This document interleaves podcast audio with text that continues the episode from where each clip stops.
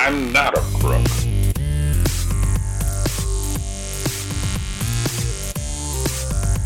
But because they are hard.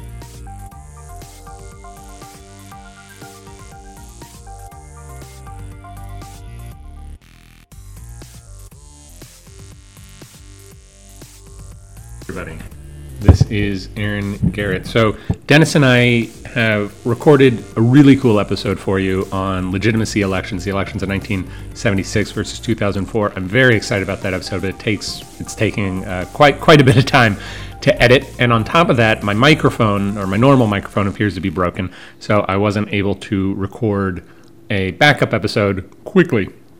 So I have uh, just under 10 minutes to be able to tell you a little something so that you don't have to go presidential death matchless during your long and, and exhausting week. and so we're returning to one of our, our classic solo episodes, uh, just a little story about one guy who ran for president a long, long time ago. I've been looking around at the news. That's how we ended up doing things. Uh, looking at the news and figuring out what sort of person felt correct. And I- I'm a baseball fan, and right now, our Houston Astros, because the Houston Astros belongs to everybody, of course, our Houston Astros are in a favorable position to get to the World Series again, which would be awesome.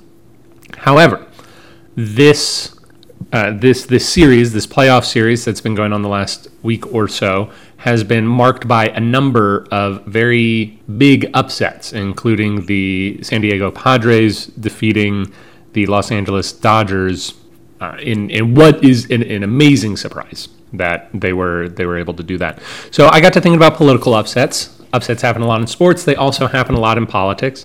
Now, of course, we're talking about presidential losers this semester semester this season on presidential deathmatch, uh, which which would mean that we'd want to find, generally speaking, we'd want to find someone who is in a very strong position and lost. We've talked about a lot of those people. Hillary Clinton would have been good to talk about today.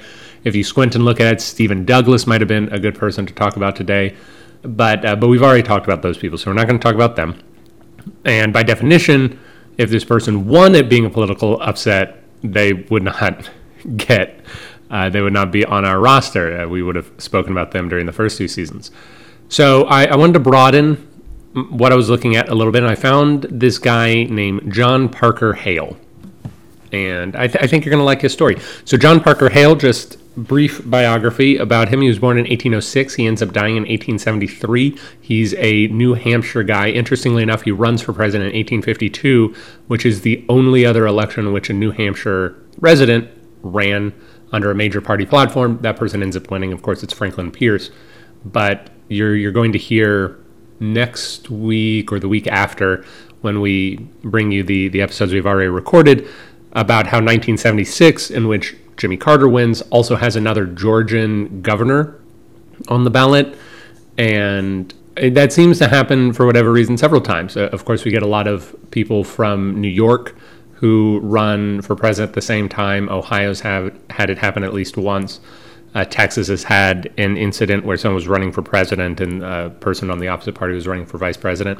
So I just thought that w- that was interesting. Um, John Parker Hale, though, so his political career is long, uh, but not necessarily marked by a whole lot of elections. He is uh, originally elected in the late 30s as a New Hampshire representative, so within the state legislature. And I I don't know if this was true at the time, but at least today, New Hampshire has the largest legislature in relation to the population. Uh, I think one out of every 5,000 or one out of every 7,000 New Hampshireites has a representative within the New Hampshire House of Representatives, uh, which is just to say, you know, it's a little easier, surprisingly. So he was elected to the New Hampshire House of Representatives in 1832 and 1834. Andrew Jackson appoints him as U.S. District Attorney for New Hampshire. He stays in that post until 1841 when he's removed by John Tyler. This is because uh, we, we had a political shift, right? So John Parker Hale's a Democrat. A Democrat, Andrew Jackson, nominates him. Another Democrat, Martin Van Buren, keeps him around. William Henry Harrison probably would have removed him, but he didn't quite get around to that in his first 30 days. So John Tyler, who at this point is nominally a Whig, decides to do that. So after he's removed from that position, he runs for uh, regular House of Representatives, so he goes to the National House of Representatives as a as the representative from New Hampshire. New Hampshire does not have more than one seat at this point, and we're going to get into some interesting reasons why. But in 1845, uh, in 1845 or 1846, he he fails to get re-elected. So he only serves one term in the House of Representatives, uh, but he later gets to come back and be a senator. And from being a senator, he serves one term as senator. Then he runs for president under the Free Soil Party. And we'll we'll circle back around to all of these facts in just a moment. Uh, after the failure, of course, of running under the Free Soil ticket, he returns to the Senate as a Republican. He had been a Democrat nominally up until this point. He returns to the Senate as a Republican. Abraham Lincoln nominates him to be the minister to Spain. He serves there for four years before he is removed from that post. He returns home and he dies in 1873.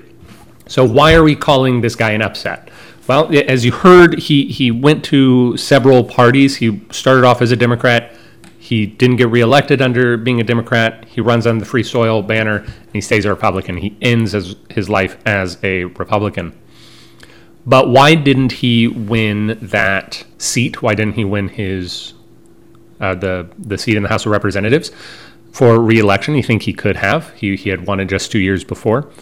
And how does he go from being a Democrat to being Free Soil? So Free Soil is a party that we've spoken about a number of times on this program, but it is not one that we will ever likely do a full episode on. They they just didn't last long enough. There isn't enough case history there. But they are the first party that is founded in opposition to slavery in America. And they have a number of other issues having to do with uh, agrarianism.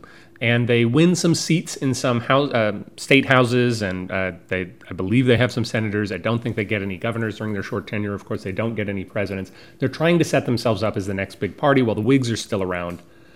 Then the Republicans come along after the collapse of the Free Soil Party, and they seem to get it together and succeed but uh, but but this whole slavery thing is is really key to John Parker Hale's story. So he's a loyal Democrat in 1844. He runs, uh, he gets renominated for his seat uh, to to run again as a Democrat. However, in December of 1844, this would be after James K. Polk wins the election, the New Hampshire legislature passes a resolution instructing its senators and congressmen to vote in favor of Texas annexation. Now, this is, I think, something we wouldn't stand for today. I, I don't believe that we would, if the Texas legislature passed a, a bill inside of the Texas legislature saying all Texas representatives and all Texas senators, we would like you to vote yes on this particular issue. Well, the New Hampshire Congress does just that. John Parker Hale does not like Texas annexation. There are a number of reasons for this, but one of the major ones, uh, outside of not necessarily wanting a bloody war, one of the major ones would be you don't want another slave state. Texas has slaves. Texas coming in as a slave state is going to upset the very delicate balance and a balance that we fought hard to to protect. Uh, mostly on slavery grounds, uh, slave states fight to make sure that no non-slave states can't enter the union. This is going to be the opposite. So John Parker Hale makes a statement: uh, we don't want Texas annexation. After that, the Democratic convention, which had already nominated him, comes back and rescinds it. They say we we don't think you should be the standard bearer standard bearer for the Democrats anymore because you disobeyed this provision from the legislature. And they end up doing that and they, they have a special convention that is formed just to take the nomination away. They brand him as a traitor, and they nominate someone new. And then when he runs for that seat again, he runs as an independent. And then this is an interesting fact. I wasn't able to look into it. You have three people running the, the Democrat who replaced Hale, Hale running as an independent, and the Whig running in New Hampshire. None of them get a majority of the vote. And so the the district goes unrepresented for a few years, which is odd. I think it's just very strange. Uh, but that's what happened. So so that's his first big upset. Is he he frustrates the Democratic Party, so they remove him, and then his stubborn insistence to stay in the game makes it so that the Democrats don't win a seat that they have been winning for a very long time, and a seat that they theoretically should have. So now that this has happened, he's out of office. He wants to do more anti slavery things. Laudable, for sure. He works hard in order to turn New Hampshire to, to be an anti slave state.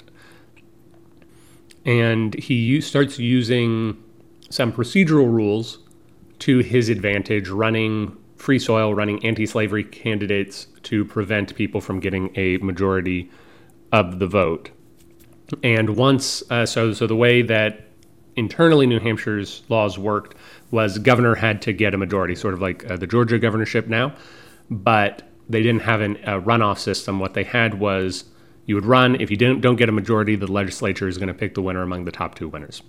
So Hale manages to run people enough to make sure that nobody gets a majority of the vote, and then he starts putting together coalitions within the state house to to form a coalitional government. So this is something that we don't see often in America. At least we don't directly see it often in America, but we see it a lot in European parliamentary politics, where no one party controls enough seats, and so several of them join together and say we have enough commonalities to um, to to work together, and we'll work out a deal as to what are the most important parts of your platform that we can help you with, so that you elect our guy.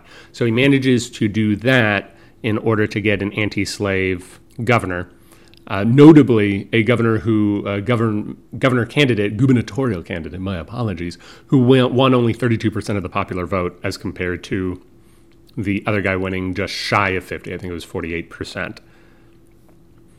So he manages to get an anti slavery governor elected. He manages to get an anti slavery senator nominated and elected. And then once that guy's term is up, uh, Hale gets to go be a senator, which is really neat. He serves as what's called an independent Democratic candidate.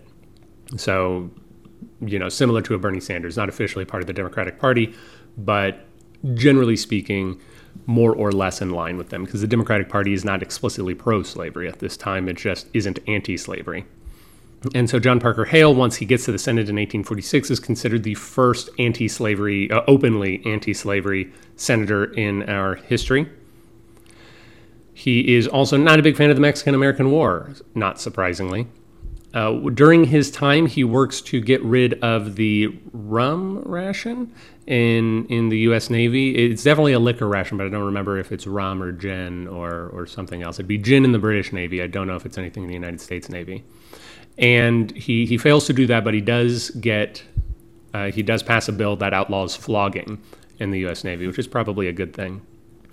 In 1852, he gets nominated to the Free Soil Party. They get 4.9% of the vote, which is about half of the vote they got four years previously when Martin Van Buren ran. I think part of that is Martin Van Buren was a former president. Another part of that is uh, following the Compromise of 1850, a lot of the Conscience Whigs and barn burner Democrats, who we talked about a few weeks ago, return to their home parties and they are no longer with the free soil spirit. So he loses his part in the Senate when Democrats take, retake control of New Hampshire. However, in 1856, he gets to be a senator again, or 1859, my apologies. He gets to be a senator again uh, because Republicans now are on the upswing, and he gets to to reap the benefits of that. During this time, he does get to repeal the the liquor ration for the U.S. Navy. He is also the head of the Senate Republican Conference during this time, which which means he basically has Mitch McConnell's job. And he he gets elected to Minister of Spain from Lincoln. He gets recalled due to a complicated tax scheme. Uh, some guy accuses him of using his power to bring in goods from Spain without paying import taxes on them. He says that he's doing this for financial gain. John Parker Hale says, "Oh, I didn't, I didn't realize that's what was happening." Uh, but he gets recalled, and and then he lives out his life, and and then he dies. Uh, but but I think his story is interesting. Number one, first anti-slavery senator in our history that's worth remembering. Number two, he upsets the conventional Democrat power structure in New Hampshire at the time by taking advantage of rules and uh, maneuvering people into coalitional governments. And for that, I think he's really interesting. One last thing he has a daughter named Lucy Hale, and Lucy Hale is betrothed to one Mr. John Wilkes Booth at the time of his death, which is interesting and perhaps a little bit of teenage rebellion. But uh, she she is betrothed to John Wilkes Booth at the time. Unclear as to the extent of their relationship, whether John Parker Hale knew about it. Obviously, his death puts a damper on their nuptials. She eventually marries uh, some other guy who goes on to be a senator. But that is the story of John Parker Hale. Thank you for sticking with us on this most unusual of weeks, and I am excited for you to hear our legitimacy election episode very soon. Goodbye.